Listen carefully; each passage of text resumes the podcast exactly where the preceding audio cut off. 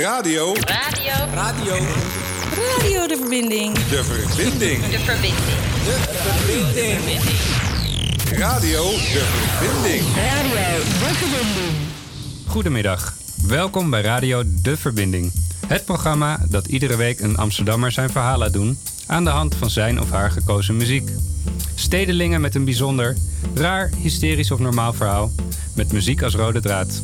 Ik ben Ishaam Ik ben Carlos. en onze gast is Beb Viergever. En in Amsterdam eigenlijk beter bekend als Beb Broodje. Ehm, waarom? Daar komen we straks op. Ehm, hij is al eerder op de korrel geweest van Nederlands beroemdste fotograaf Ed van der Elske. Op 17-jarige leeftijd op de Dam met de tong uit zijn mond. Een bekende foto. Het is een markante verschijning toen. Eh, nu nog steeds. En eh, het trekt nog steeds de aandacht. En eh, ja, ik vind hem wel de personific- personificatie van de punkbeweging. die eind aan de jaren 70 begon in Amsterdam. En we gaan het hebben met hem over deze beweging van de, geen woning, geen koning, bijvoorbeeld. En, maar we gaan het ook hebben over zijn eigen levensloop. die op, zich zacht, op zijn zacht gezegd net zo rauw is als het genre wat punk is. Welkom Beb. Dankjewel. Fijn dat je er bent. Graag Eh, gedaan. je hebt onze show gered. Gisteren belde je en eh, vandaag kon je. Ja, Heel, ja, eh, en, en ik ben heel erg blij dat we jou hebben.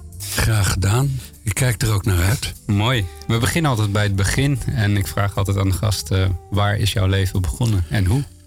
Mijn leven is begonnen in Rotterdam, in Rotterdam-Krooswijk. Ik kom uit een gezin met vier kinderen. Een, op zich een normaal gezin. Wij verhuisden toen ik drie jaar was naar IJsselmonde. Dat de huizen in Krooswijk, in de volkswijken, net als in Amsterdam, koud, vochtig en eh, oud waren. En op 10 januari ging ik mijn moeder wakker maken. Niets vermoedend. Mijn moeder lag verkeerd in haar bed. En ik constateerde eigenlijk eh, al heel snel eh, van mijn moeder is dood. Dus ik was vijf jaar. Ik ben op dat moment naar de kamer van mijn oudste broer gegaan. Ik heb het nog een keer herhaald. En daarna is er een soort blackout gekomen. Ik weet dat ik wel eh, heel snel dat mijn oma er was, dat er heel veel mensen waren, maar we zijn het huis uitgehaald. En min of meer heeft mijn vader dezelfde dag besloten om zijn vier kinderen niet verder op te voeden. Nee. Dus hij heeft ons gewoon totaal in de steek gelaten tot op heden. Tot op heden. En je- dus, je, dus je verloor je moeder en eh, tegelijkertijd ook je vader. Ja, He- heb je enig idee, het is een vrij donker begin van een, van een leven. Eh, het zijn volgens mij ook jouw eerste herinneringen. Alles daarvoor ben, je, ben je kwijt ja daardoor. complete blackout daarvoor. Ja. Eh, heb je enig idee waarom jouw vader dat deed? Eh, ik denk dat hij de verantwoording niet op zich kon, wilde nemen. Terwijl hij alle steun had gekregen, ook van zijn werkgever. Hij kon een half jaar om, op betaald verlof om orde op zaken te stellen. Heeft hij niet geaccepteerd en hij is gewoon een nieuw leven begonnen. Ja. Ja, heb, jij, heb je nog enig idee wat hij is doen? Of is het echt het hele contact? Is dat... Eh, ik heb 10, 20 jaar geleden, 15 jaar geleden een poging gedaan. Toen kreeg ik via het bevolkingsregister te horen dat hij nog wel leefde. En toen is een keer geprobeerd om zijn adres te achterhalen. Toen hoorde ik dat hij was overleden. Ja. Dus hij heeft alle geheimen het graf mee ingenomen. Mhm. Met daarbij vier kinderen die buiten de slag van de moeder ook de slag van de vader eh, mee hebben gekregen. Ja. Jouw moeder overleed toen. hè? Het was heel plotseling, toch? Ze was nog hartstikke jong. Eh, ik was vijf jaar. Eh, ik was net vijf geworden, 10 januari. Niets vermoedend. We waren een, een, een, een, een, een- echt een normaal gezin. Als ik de foto's terugzie en wat ik later wel een klein beetje van mijn oudste broer heb begrepen, was het gewoon een normaal gezin. Geen spanningen, wat dan ook. Nee. Alleen eh, die, die beslissing die onze vader heeft genomen, die begrijpen wij niet. Want twee van de vier kinderen zijn uiteindelijk ook vader geworden. Ja. En ja, je hebt geen voorbeeld. Nee. nee. Dus, dus ja, ja, ja ik, ik- dat, en, en dat dat invloed heeft gehad op je leven, daar gaan we straks meer over Ja, horen. ja. Ehm, dat, ja, dat heeft eigenlijk alles, het was alles beslissend hè, voor, voor ja, de Voor een levensloop. kind is dit natuurlijk eh, de, de, een trauma. En je vat het niet, je begrijpt het niet. En dat eh, is ook in het vervolg van eh, het leven. Het eerste nummer wat ik heb gekozen slaat daar echt op. Ik heb bij dit nummer altijd de herinnering dat ik bij mijn oma op bezoek was in de vakanties. Onder een, een tafel lag. Zij had de radio altijd aan. En het programma heette Men Vraag en Wij Draaien. En als dit soort nummers werden gedraaid, zat ik altijd naar een huilende oma te kijken. Want die had ondertussen al twee kinderen verloren. Ja, het verdriet van de Het oma. zegt genoeg, er hoeft geen introductie. Heintje, mama. Mama,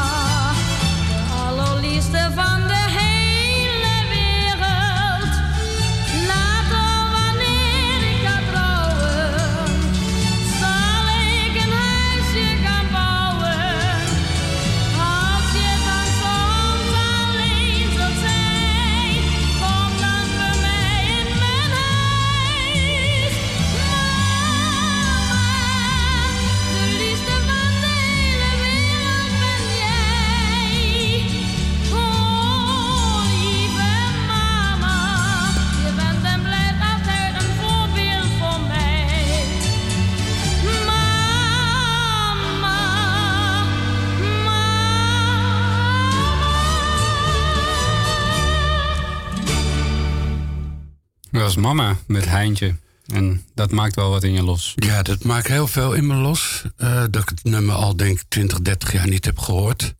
Laat ik het zo zeggen, het is met een gestrekt been binnenkomen. Ja. En de rest van het programma zou je zien dat muziek een andere betekenis voor me heeft gekregen. Maar dit lied slaat gewoon eh, Op, wat op- ik mijn leven lang heb gemist. Ja, ja. En dat is de rode draad tot mijn zestigste al. mhm. De moeders die zo belangrijk zijn. Ja. Ehm, en de vaders eigenlijk ook, want die, die liet jou in de steek. Ehm, je, je, je kwam, ja, eigenlijk al jou, jouw broers en je zussen, als ik het goed zeg. Eh, broers alleen. Al- alleen broers, hè? Ja. Allemaal in een eh, jeugdinstelling terecht. Ja, jeugdinstelling, want eh, zo gaat het. Je wordt overgedragen naar de staat en dan wordt er in nood een hu- jeugdhuis gezocht. Het was de eerste in Rotterdam. Eh, daar hebben wij geloof ik een paar maanden gezeten. En toen werden we overgeplaatst naar een jeugdhuis in Bos en Duin. Mhm. En dat werd gerund door de zevende dagadventisten. En daar zaten jullie nog wel met z'n vieren. Vieren over drie verschillende groepen. Ja. En eh, in de laatste periode, anderhalf, twee jaar, toen ben ik ook naar de oudste groep gegaan van de jongens. Dus toen zaten wij met z'n drieën bij elkaar. Maar mijn jongste broertje zat echt eh, gewoon tussen de jongere kinderen. En je, en je zegt dat je ging naar een jeugdhuis en dat waren de zevende dag advertisten. Ja, dat, was klinkt, een klinkt- geloofsovertuiging. Klinkt secretarisch bijna. Eh, het is een afsplitsing van de protestantse kerk. En geloof is veel belangrijker als eh, geschiedenis of kunst of wat dan ook. En min of meer, eh, ik kan je een voorbeeld geven. Ik heb toen dat je het Joodse geloof is. moet je van vrijdagavond tot zaterdagavond sabbat houden. En, dat, en ik had op zaterdag eens een keer overdag een dubbeltje gevonden. En zaterdag zijn de winkels gewoon open. Dus ik heb een ijsje gekocht. Ik liep met eh, het stokje wat ik op had, eh, of het ijs op had gegeten. Het stokje niets vermoedend op het terrein. En die, een, een eh, leidster zei, wat is dat? Ik zeg, nou, dat is een stokje van een ijsje. Ik heb een ijsje gegeten. Je hebt gezondigd en je mag een week lang niet buiten spelen. En dat zeg je dan tegen een kind van zeven... die totaal niet begrijpt waar ze het over hebben. Ja. En eh, uiteindelijk zat ik gewoon al in een trauma, eh, in een kokon van mezelf, van overleven al in die leeftijd. Eh, Want in, in zo'n jeugdhuis wordt er dan wel teruggekeken op, op wat, wat, wat er eigenlijk is misgegaan in jouw gezin. En, Nee, de, de- zeker in de zestig jaren was het belangrijker dat ze dak hadden, eten, school en juist alle gelovige instellingen die zorgden over de kinderen. Maar het was ook een financieel product. Je kreeg per kind betaald. Dus dat... En de leidsters in die tijd waren niet opgeleid als pedagogen. Eh, ze konden daar solliciteren, ze kwamen binnen. En de, als ze maar het geloof gingen beleiden. De zevende dag adventisten laten doop niet toe. Op je achttiende moet je zelf beslissen of gedoopt wordt. ja. Nou, het volgende jeugdhuis heb ik een jaar gezeten. Dat was eh, de protestantse eh, kerk. Daar heb ik een jaartje gezeten. Toen hebben ze pleegouders gevonden. Via, Daar, daar wil ik straks nog Ja. door naar die pleegouders. Ik ben nog even benieuwd. Je, je, je leeft in een jeugdhuis, je bent jong. Ehm, als kind heb je liefde en affectie nodig. Hoe gaat dat in een pleeghuis? Ehm, in een, jeugdhuis dan is eh, afstand. Eh, de groepsleiding proberen hun best te doen. En de enigste warmte die ik kreeg was om de twee weken van mijn oma. Ja. En alle vakanties, dat wij op vakantie gingen naar Rotterdam om uit het jeugdhuis te zijn. En mijn oma gewoon haar kleinkinderen thuis wilde hebben. Die, wa- die waren er dus nog wel voor je opa en je oma. Ja, mijn opa en mijn oma waren mijn oom. eh, een vriend van mijn vader, die heel goed bevriend was met de familie. Die, die zijn altijd, eh, zeker de eerste vijf, zes jaar, heel begaan geweest om op- ons op te zoeken. Ja. En je oma kwam zelfs om de twee weken of zo. eh, Om de twee weken brommer? kwamen ze uit Rotterdam met een brommetje naar eh, Bos en Duin. En dat ligt bij Den Dolder, Zeist de Beeld. Ja. Dus reken maar uit wat die mensen voor uren hebben gemaakt om gewoon hun kleinkinderen te zien. Hun door, door, weer, door weer en wind. Door weer en wind. eh IJssel was het enigste wanneer ze afzeiden. Ja. ja. En dat was voor ons belangrijk. buiten dat je als kind ook naar snoep, eh, dat je snoep belangrijk vindt. Mhm. Maar ik kan me herinneren dat ik altijd wel in de schoot van mijn oma lag. Ik Ja. zocht wel warmte. Ja. Alleen mijn oma moest het over vier kinderen verdelen. En de twee jongsten vroegen het meeste aandacht. Mhm. Ja. Eentje nog onder mij en ik. En de twee boven mij, die waren al wat ouder. Dus die... Maar je zocht wel de warmte Van- bij je grootmoeder. Ja, Ja. natuurlijk. We gaan naar muziek. Eh, vanaf nu is het punk. Eh, en we gaan naar een nummer van Fried Pink, House of the Rising Sun. Waarom heb je dat eh, nummer gekozen? Eh, nou, al heel jong in mijn leeftijd merkte ik dat muziek en vooral rauwe gitaarmuziek een emotie in me losmaakte. En dat kan ik het beste omschrijven dat ik bij, bij muziek heel vaak erg-gitarist speel. Ja, Om die emoties weg te krijgen. En min of meer rondom zevende, achtste, negende jaar is muziek gekomen. En ja, dit is een voorbeeld van de grote encyclopedie van muziek die ik heb. Want muziek is veel belangrijker als boeken voor mij geweest. ja. Dus start maar in. House of the Rising Sun van Fried Pink.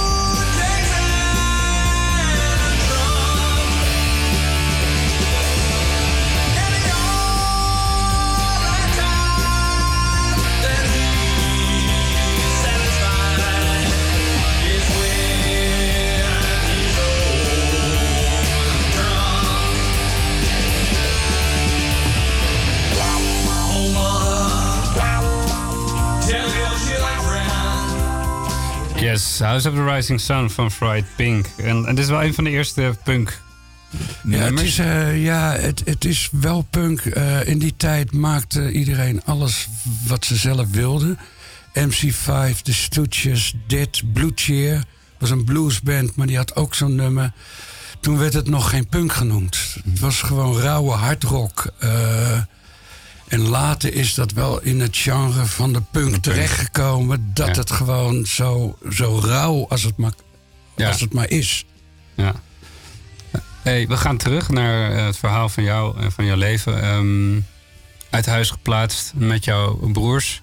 In een jeugdhuis terechtgekomen. Ehm, weinig liefde daar. Eh, mm, en ja, veel religie. Ja, en dat was dan ook eh, de volgende stap is dan dat ik naar mijn pleegouders ging. Ja. En daar was een soort kerkboekje waar een advertentie stond om pleegouders die werden gezocht. En daar hebben mijn pleegouders zich aangemeld eh, om de zorg te dragen over twee kinderen. Want ze vonden dat ze het goed hadden. En er was één dochter de deur uit en de andere dochter zat op het gymnasium. Dus het ging allemaal goed. Dus ze dachten van we kunnen wel wat tijd besteden aan twee kinderen. Alleen ze hebben nooit beseft dat wij zo beschadigd waren. Dat zij dachten van als we maar een huis geven, eten, zorgen dat hij naar school gaat. Dan komt het wel goed. Ja, maar- maar de Want je, je had van je vijfde en dan tot je... Hoe oud was je toen je naar je pleegouders ging? eh elf en een half. Elf en een half in, pleeg, in, Ja. in het huis. Dus je kwam daar ja, als beschadigd jongetje. En in het begin, je begon te puberen. Ja, en eh, dat, dat, dat heb ik niet beseft. Eh, dat is achteraf wel. Maar ik denk dat ik eerder in Amsterdam ben gaan puberen als bij mijn pleegouders. Nee, oké. Want het klikte gewoon niet. De, ik had altijd problemen met mijn pleegmoeder. Hm. Altijd woorden. Wat later eh, op een gegeven moment naar boven kwam... dat ik gewoon een vrouwenhater was in die tijd. Mhm. Dat de, de eerste belangrijke vrouw had me in de steek gelaten. Het klikte niet met eh, mijn pleegouders. Sommige groepsleidingen van Zonheuvel... eh, van de zevende dag adventisten... die probeerden je wel wat liefde te geven. En dan was ik toch gevoelsmatig ook weer door in de steek gelaten... dat ik moest verhuizen. Ja. Dus de, eh, eh, de, er zat gewoon altijd- geen eh, chemie en klik in. En vooral dat zij zo in een strak sam- stramien van het geloof zaten. Bidden voor, voor, voor het eten, zondag naar de kerk toe. Dat vonden ze gewoon belangrijk. Eh, en verder leerden ze ons eigenlijk niks. Maar, en waar ging die discussie dan over? Waar, waar, waar ontstond jouw weerstand? Nou, met gedragsproblemen gewoon. Dat, daar ging het om. Ik ging geld stelen. Ik functioneerde niet goed, waardoor mijn pleegmoeder verslag raakte. Ze hebben mij geprobeerd toen in Haarlem op, bij een psychiater eh, te plaatsen. Op zich een hele schattige man, maar die kwam eh, uit Hongarije en die had de Hongaarse revolutie eh, meegemaakt. Dus dat was een gevluchte Hongaar. Dus daar kon je niet mee praten. Dus dan zaten we gewoon stratego of mens erg je niet te doen. Oké, dat is zo verdiend. is. Hij had zelf ook een heel groot trauma. En Ja. hij was dan wel in Hongarije psychiater. Maar eh, ja, en dat klikte niet. En uiteindelijk na drieënhalf jaar is er besloten van we gaan hem uit huis plaatsen. En, en voordat dat werd besloten, heb jij nog wel wat meegekregen van hun? Iets Ik heb, ja, eh, ik heb wel geleerd, vooral dat je uit een jeugdhuis eh, is het overleven. Ze hebben dus bepaalde normen en waarden bijgebracht. Hoe je mensen eh, aankijkt, hoe je praat, dat je wacht met praten. dus een heleboel dingen heb, heb ik wel opgeslagen. En dat heb ik meegenomen van... Het is een eh, goede bagage voor jezelf. Ja. Alleen eh, wat, wat ik later aan interesses had, het is nooit eh, aan de orde geweest. Eh, kunst, kunstgeschiedenis, oorlog. Ja. Ze hebben nooit naar jou als individu echt gekeken. Nee, nee. Het was eh, gewoon, we zorgen dat, dat hij een opleiding krijgt en dat hij dan werk gaat zoeken en op zichzelf gaat wonen. Dus het, het programma wat heel veel mensen eh, in dat circuit gewoon lopen. Alleen ja. dit liep even anders. Praktische benaderingen. Ja. We gaan naar muziek Black Sabbath met Paranoid. En ik vraag je straks waarom. Ja.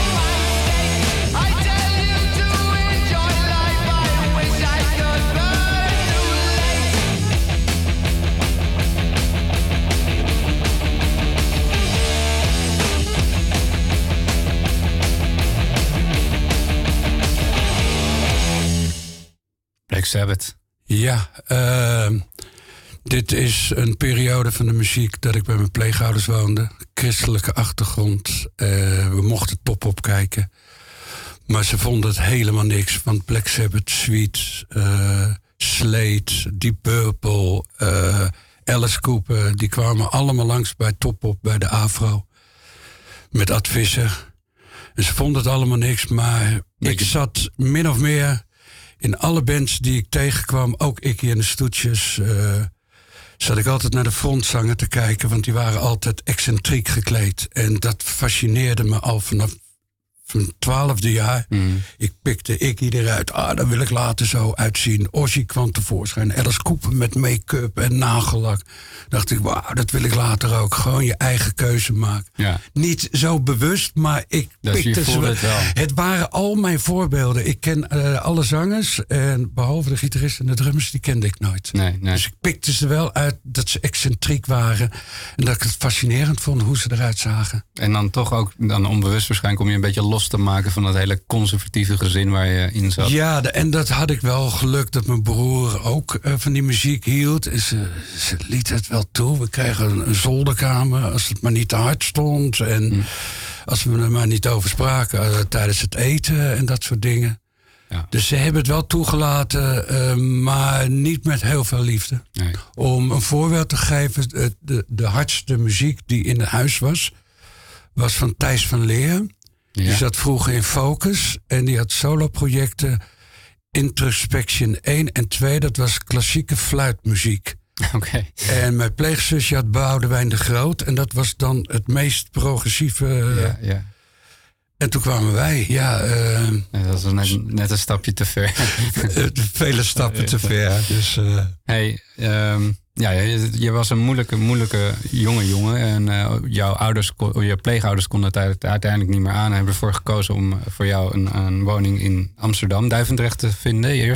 Eh, eerst in Amsterdam. Ik ben op een gegeven moment in de Wielingen geplaatst. ja. En er is een eh, bezetting en een opstand geweest. En daardoor is de Wielingen gesloten. Mhm. En toen kwam ik in Duivendrecht in een begeleid kamerproject.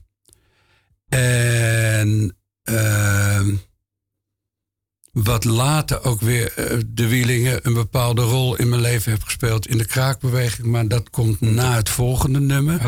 Maar het was in de Wielingen, was er op een gegeven moment zaten we ook natuurlijk altijd groepsverband. Ja. En toen was de eh, Disco Circus van de Tros. En op een gegeven moment zie ik voor het eerst iemand eh, gek doen. En dat was Johnny Rotten. Die had kleding wat ik fascineerde. De muziek was. Want Johnny nog- Rotten is van de Sex Pistols? Johnny Rotten is van de Sex Pistols. Dus dat was de eerste keer in de Wielingen dat ik de Pistols hoorde. En alles was anders wat ik daarvoor had geluisterd. Dus die hele hardrock. En dat was, stelde niks voor. De, Nee. de, het was de, de uitstraling van die band, van de lawaai. En, en ja, dat heeft mijn ogen geopend van... nou, misschien moet ik daarop gaan lijken. Ik ben er nooit op gaan lijken, maar... hij heeft wel een belangrijke rol in mijn leven Heeft gespeeld. geïnspireerd. En, Ja. en, en toen, je kwam ook in, eh, in de buurt van Amsterdam, in Paradiso. eh, Daar begon Daar het, begon het, eh, toen ik wist hoe ik punkmuziek kon opzoeken. Want toen de Wielingen gesloten ben ik de Duivendrecht gegaan. En daar ben ik gaan vragen van... hey, weten jullie iets van muziek met veiligheidsspelden? En toen zei iemand, ja, op het terrein woont iemand... die zit helemaal vol met veiligheidsspelden, make-up. En dat was Meindert. En Meindert heeft me toen eh, zeg maar geleerd... van daar is Paradiso, daar zijn de platenzaken... Daar kan je de muziek kopen, daar kan je het... eh, ja, en toen ging er gewoon een wereld eh, open van Paradiso drie, vier, vijf keer per week gewoon naartoe. Kleine concerten kijken en Ja. lol hebben en zuipen. En eh, na een bepaalde periode kwam ook de heroïne in de scene. Maar zeker de begin, eh, er waren geen kledingvoorschriften. Je deed aan wat je wilde. En niemand oordeelde over jouw kleding. Al had je een telefoonkabel om je nek, maakte niks uit. Dat was voor jou het gevoel dat je dat aan wilde. ja. En of je dat punk wil noemen, nee, het was de vrijheid. Maar iedereen En- was wel, wel vrij excentriek, toch? Dat- Heel excentriek. En eh, we zagen er allemaal wel heel heftig uit. Maar je moet je voorstellen, we waren allemaal 14, 15, 16, 17, 18 jaar. Dus we zijn ook allemaal kinderen natuurlijk eh, op die leeftijd Ja. nog. Maar het was eh, voor het eerst dat een kledingstijl zo overduidelijk aanwezig was bij een muzieksoort. De eerste subcultuur. Ja. Waarom denk je, waarom was dat zeg maar die, die extreme uiting, eh, ja, dat uiterlijke vertoon? Eh, Waar kwam de- dat vandaan? Eh, de armoede, de verpaupering in de grote steden. Na de oorlog was dat dit de eerste verpauperingsperiode in de grote steden. Waar eh, woningnood was, eh, werkeloosheid eh, kwam langzamerhand aan. Dus de eerste crisis in Nederland, in Engeland, in overal... heeft bijgedragen aan dat het zo explosief was. En En die maatschappij was nog verzeild ook. ja, en daar trapten we met z'n allen tegenaan. En ik zat meer van, ik uitte mij meer dat ik, ik de, de vrijheid proefde. Ik was niet een zeer politieke punk. De punk was voor mij ook echt lang leven de lol. We zuipen, we dansen. En eh, terwijl er ook de kraakbeweging kwam. En en daar heb ik nooit zo tussen gezeten. Geen woning, geen kroning. Ik heb het allemaal meegemaakt. Ik, wij zijn ook gezellig allemaal naar allerlei eh, ontruimingen geweest. Ja. En dan was het gewoon even een middagje feest eh, vieren. Even wat stenen gooien. En daarna ging je gewoon weer rustig naar huis toe. Maar het ging jou vooral om de muziek. En, Ja, de muziek. en zoals de Sex Pistols met Anarchy in de UK.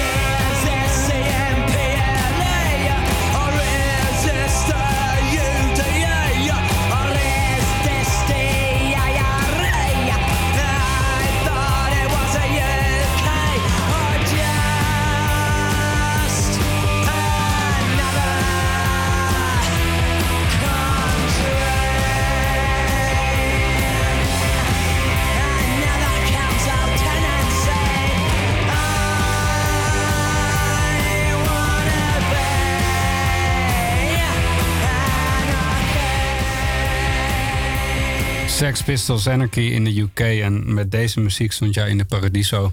En werd jij ook eh, bekend als Beb Broodje, toch? Ja, ik, was, eh, ik werkte in die tijd in een bakkerij. eh, toen net de punk begon. En iedereen had bijnamen.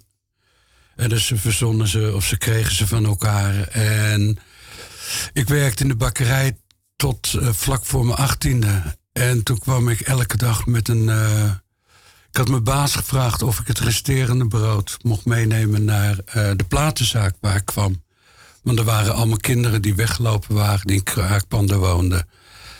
En het brood werd toch weggegooid. En op een gegeven moment kwam ik er binnen en de bedrijfsleidster zegt in één keer: hey, daar heb je broodje. En daar is de naam ontstaan. Terwijl iedereen heftige namen had als Gestapo en Ilse Kug en noem maar op. Allemaal om te chockeren. Kreeg ik deze naam en ik denk, het is juist de mooiste naam om mee te chockeren. Want elke keer als je vroeger zeker voorstelde broodje. eh, eh, broodje? Eh, ja. Ja. En ik heb, heet op zomerkamp, als ik zomers werk met kinderen, heet ik ook meester Broodje. Dus eh, het heeft uiteindelijk een hele mooie naam eh, gebracht. eh.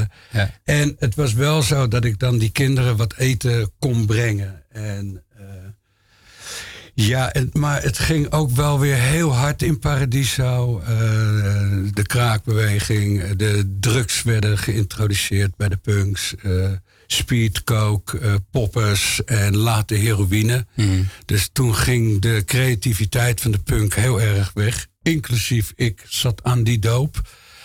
En op een bepaalde dag had ik iets van, ja, waar draaide het om die punk om? Om de creativiteit, om jezelf te zijn. En wat doe je? Je zit net als de oude hippies waar we tegen vochten. Dat Ja. ze aan de doop zaten en dat ze eens een keer wakker moesten worden.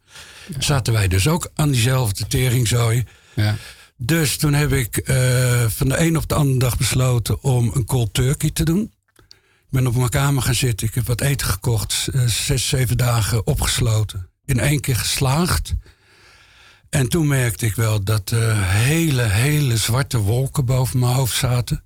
Wat we in het gesprek eh, verder zou gebruiken als grijze wolken, zwarte wolken. Dus de eerste depressie. ja. Die begon toen nadat je was afgekikt. Eh, afgekikt van de heroïne. En ja, eh, we hebben een hele tijd over mijn verleden gesproken. Maar er is één mislukte psychiater aan de, aan, aan de orde geweest. En verder heb ik mezelf gewoon naar voren geduwd. Elke dag opstaan van je moet leven, je moet leven, je moet leven. ja. Totdat je merkt dat je zwaarmoedig wordt. Heel snel kwam ik een vrouw tegen. En ehm, Maar, maar, maar nog die, Ja. je, je kikt af. Ik, ik denk, ja, dan, dan heb je wel echt iets bereikt. eh, en dan toch, ja, ze voelde je het niet. zo voelde dat niet. Nee, dat het, de geest, het hoofd, is eigenlijk al vanaf zijn vijfde in een modem van elke dag overleven, eh, doen wat je kan doen. eh. nee, dat hoofd is al zo beschadigd, alleen ik kon er nog mijn vinger er nog niet op leggen. Nee. Maar het was gewoon, ook in die punktijd, het was een uitlaatklep. Ja, precies. En dat viel weg. En, Het viel weg en dan op een gegeven moment eh, zit je, word je uit die roze wolk gehaald... die gewoon gitzwart is met al die doop. Dus eh, dat was de eerste eh, periode dat ik merkte dat ik niet lekker in mijn vel zat. Dat ik onzeker was, dat ik niet met mensen durfde te praten. En toen kwam ik eigenlijk eh, mijn toenmalige vriendin tegen... ja. We zijn heel snel gaan hokken. Er was een Gaan hokken, is dat samenwonen? samenwonen. Ja. En al heel snel bleek dat eh, de moeder van mijn zoon Zoe eh, zwanger was. En dat hadden we niet gepland. En toen begon Toen was, je, toen was je pas 25, hè? Ik was 25. En toen ontplofte mijn hoofd dus in het echt. Dat ik op een gegeven moment zo stond van zij was zwanger. Ik moet nu vader worden. En waar haal ik dat vandaan? Want de modem was gewoon elke dag overleven. Geen carrière plannen, want daar had ik in mijn hoofd ook geen tijd voor. School was voor mij echt... Nou, dat was het niet. Nee. Dus toen, al na anderhalf jaar na de geboorte van mijn zoon, was eh, eigenlijk al heel snel eh, duidelijk dat ik eh, naar Driach moest. En daar is de sprong van de psychiatrie begonnen. De eerste stap die tot op heden eigenlijk wel een, een, een rode lijn in mijn leven is geweest. Met zijn ups en zijn downs. Ja. Dus, uh, en Radiohead, en dat is dan de periode. Ja, daar, die, daar wil ik zo naartoe gaan met ja. Radiohead. Maar ik ben nog wel vragen, want um, je bent 25, je hebt kind, je raakt depressief. Hè? Maar er komt toch een moment uh, dat jij ook de zorg krijgt over je kind. Ja, uh, Zoe werd geboren. Uh, na anderhalf, twee jaar had mijn ex toen geen huis. Toen heb Zoe een jaar bij mij gewoond, dat ik net een huis had gekregen. Daarna is Zoe weer naar zijn moeder gegaan. En rondom Zoe's zevende jaar werd de, de moeder van uh, de oma van mijn kind, dus de moeder van mijn ex, uh, werd heel erg ziek. Die was de eerste vrouw die aids kreeg. Dat was een hele grote impact in de familie. Mm -hmm. Zij woonde ook met een, een, een, niet prettige vriend. En in die periode heeft ze mij gevraagd: van, zou jij de opvoeding willen doen? Ja. En dus vanaf zijn zevende tot zijn 21ste heeft Zoe een hele belangrijke rol gespeeld uh, dat ik hem kon verzorgen. Mm. Een vriendin die uh, al 30 jaar in mijn leven is, die heeft mij geholpen met leren leren van Ja. een kind. Want dat uh, kon ik niet. Terwijl uh, een kind voedt je niet alleen op. Nee. Zoe had het geluk dat hij vijf, zes tantes had en een oom. Uh, dus wij hebben het als familie gedaan. Mhm. En ik gaf de stabiliteit waar de familie uh, van zei: ja, dat is wat jij kan. En, en, en, en, en, waarom kon je dat? Want je zit in een enorme depressie. Je hebt, je hebt echt... Ik, ja, uh, ik, kon, uh, ik kwam ook in die periode langzamerhand. Toen Zoe bij me kwam lonen, werkte ik als vrijwilliger bij een stichting. En die vrouw bekommerde zich om mij dat ik uh, dagbesteding kon doen in mijn eigen tempo. Uh, in diezelfde periode werd ik afgekeurd voor 100%, wat ook een hele grote klap was, want je bent pas 32 en Ja. Je hoort niet meer bij de maatschappij. Dus ik kon daar 20 jaar werken, ik kon daar een vak aanleren, licht- en geluidstechnicus. Uh, ik kreeg hulp uh, van Mariette, die uh, het leerproces onder haar hoede nam. Waardoor ik gewoon structureel, wat je nodig hebt als je borderline hebt, heb je structuur nodig. En dat kon ik me heel zelf heel erg aanwenden. Mm -hmm. Van oké, okay, s ochtends opstaan, dat, dat, dat, dat. He, he, heeft het, het kinderthuis daar ook aan bijgedragen, aan dat, dat, dat, die structuur die in jou? Ik denk dat ik natuurlijk in dat jeugdhuis ja. en bij mijn pleegouders ook natuurlijk die structuur heb gezien hoe het moet. Ja. En, dus dat dan toch een beetje ook je redding op die manier geweest? Ja, en uh, toen mijn kind werd geboren, heb ik natuurlijk uh, mezelf gezworen. Mijn kind overkomt niet wat mijn vader heeft gedaan. Nee. En dat is wel het eerste wat je in je kop prent. Van dat gaat nooit gebeuren. En dat is gelukt. Je hebt nee, een, ja. een, prachtige zoon, ja. Zoe. Um, we gaan naar de volgende, volgende nummer. Ja, dat, uh, dat uh, Zoe die heeft me met de kinderen in zijn puberteit, rond toen hij echt uh, 10, 11, 12 was, heeft hij me geïntroduceerd in de nieuwe muziek. Uh, de Metallica's, de uh, Linkin Park, maar ook Radiohead, wat gewoon, ja, buitenaardse muziek is. Elke album was buitenaards. Ja. Dus dat is wel een herinnering aan de periode van mijn zoon thuis. Radiohead met Creep.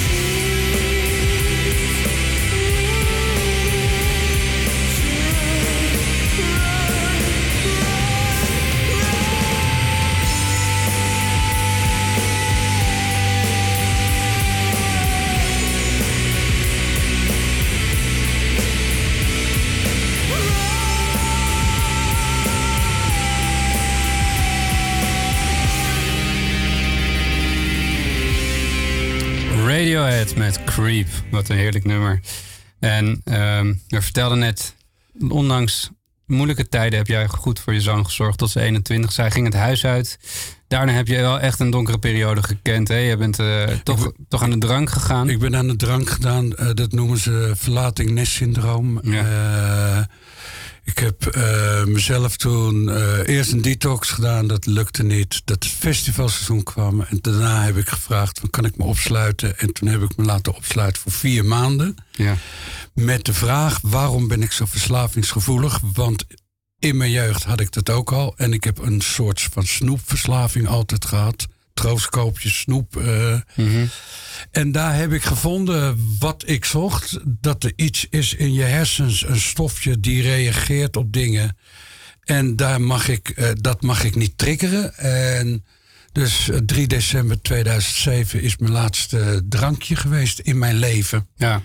En, eh, en dat, Tot op heden natuurlijk, Ah, eh. fantastisch. En, en er kwam ook weer wat creativiteit terug in jouw leven. Want de punk, eh, die, die kwam ook weer. De punk kwam weer op het internet dat het internet nieuw was. Ik begon op een gegeven moment na de Jelinek eh, eh, stiften te kopen. En net als vroeger overhemden te bekladderen. Toen begon ik een naaimachine erbij te pakken. En ik merkte dat die naaimachine mij rust gaf in mijn hoofd.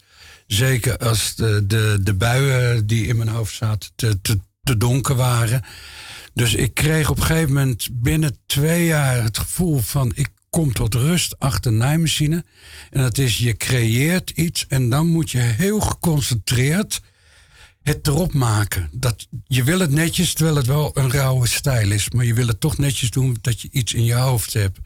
En dat heeft mij gewoon tot op heden helpt mij dat om door moeilijke periodes te komen. In de winter is het, eh, zit ik maanden in mijn atelier en ik maak wat. En als het klaar is, is het goed. En, wat doe je met al die kleding dan? Eh, het, eh, soms verkoop ik iets. en de meeste kleding die groot genoeg zijn, die draag ik natuurlijk zelf. Want het hoort bij mijn leven. Mijn kleuren haar, mijn nagels, eh, creatieve broeken en jassen. Dat hoort bij mij. Eh, ik zie er niet burgerlijk uit. Ik zal er nooit burgerlijk uitzien. Terwijl ik wel dingen draag wat de burgerwereld wel graag draagt. Overhemden, chaletjes, colbertjes, stropdassen.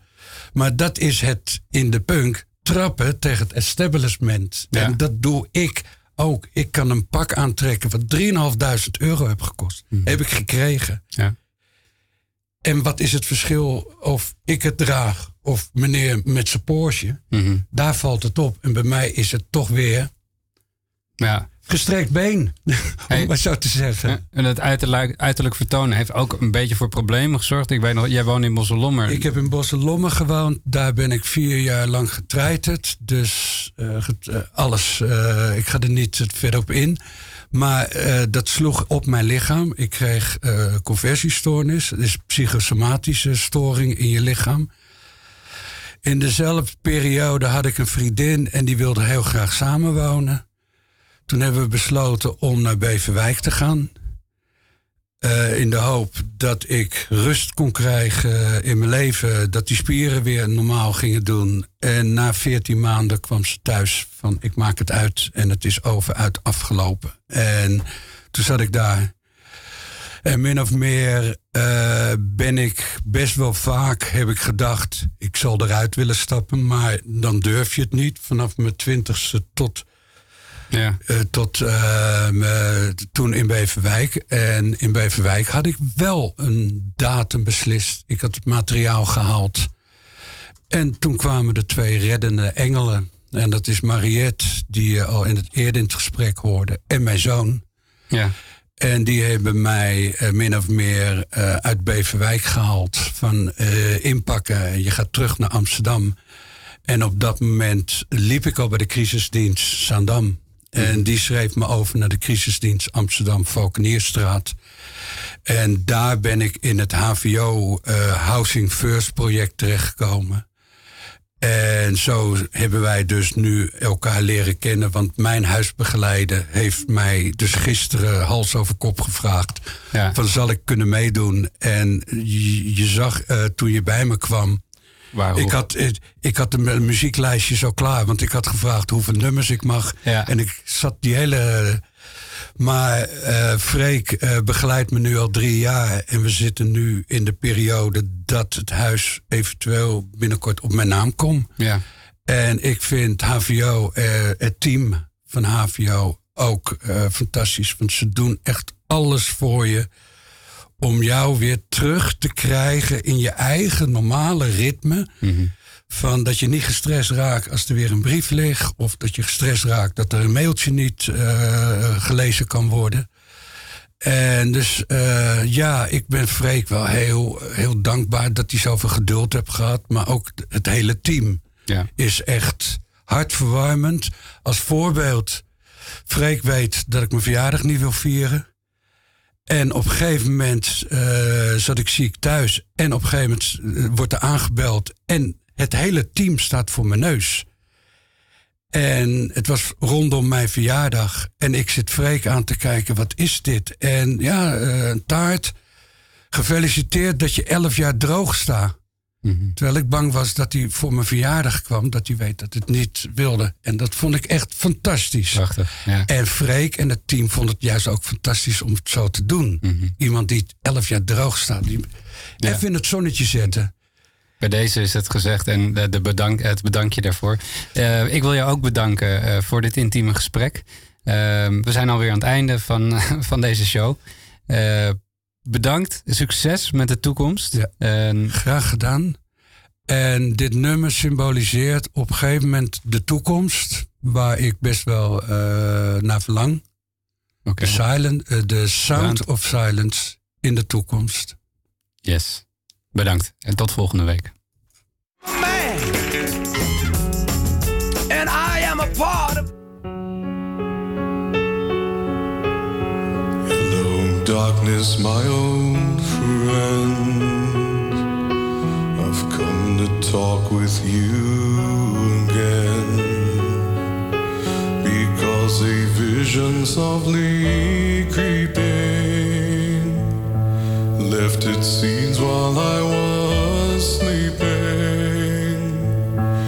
And the vision that was planted in my brain still remains within the sound of silence. In restless dreams, I walked alone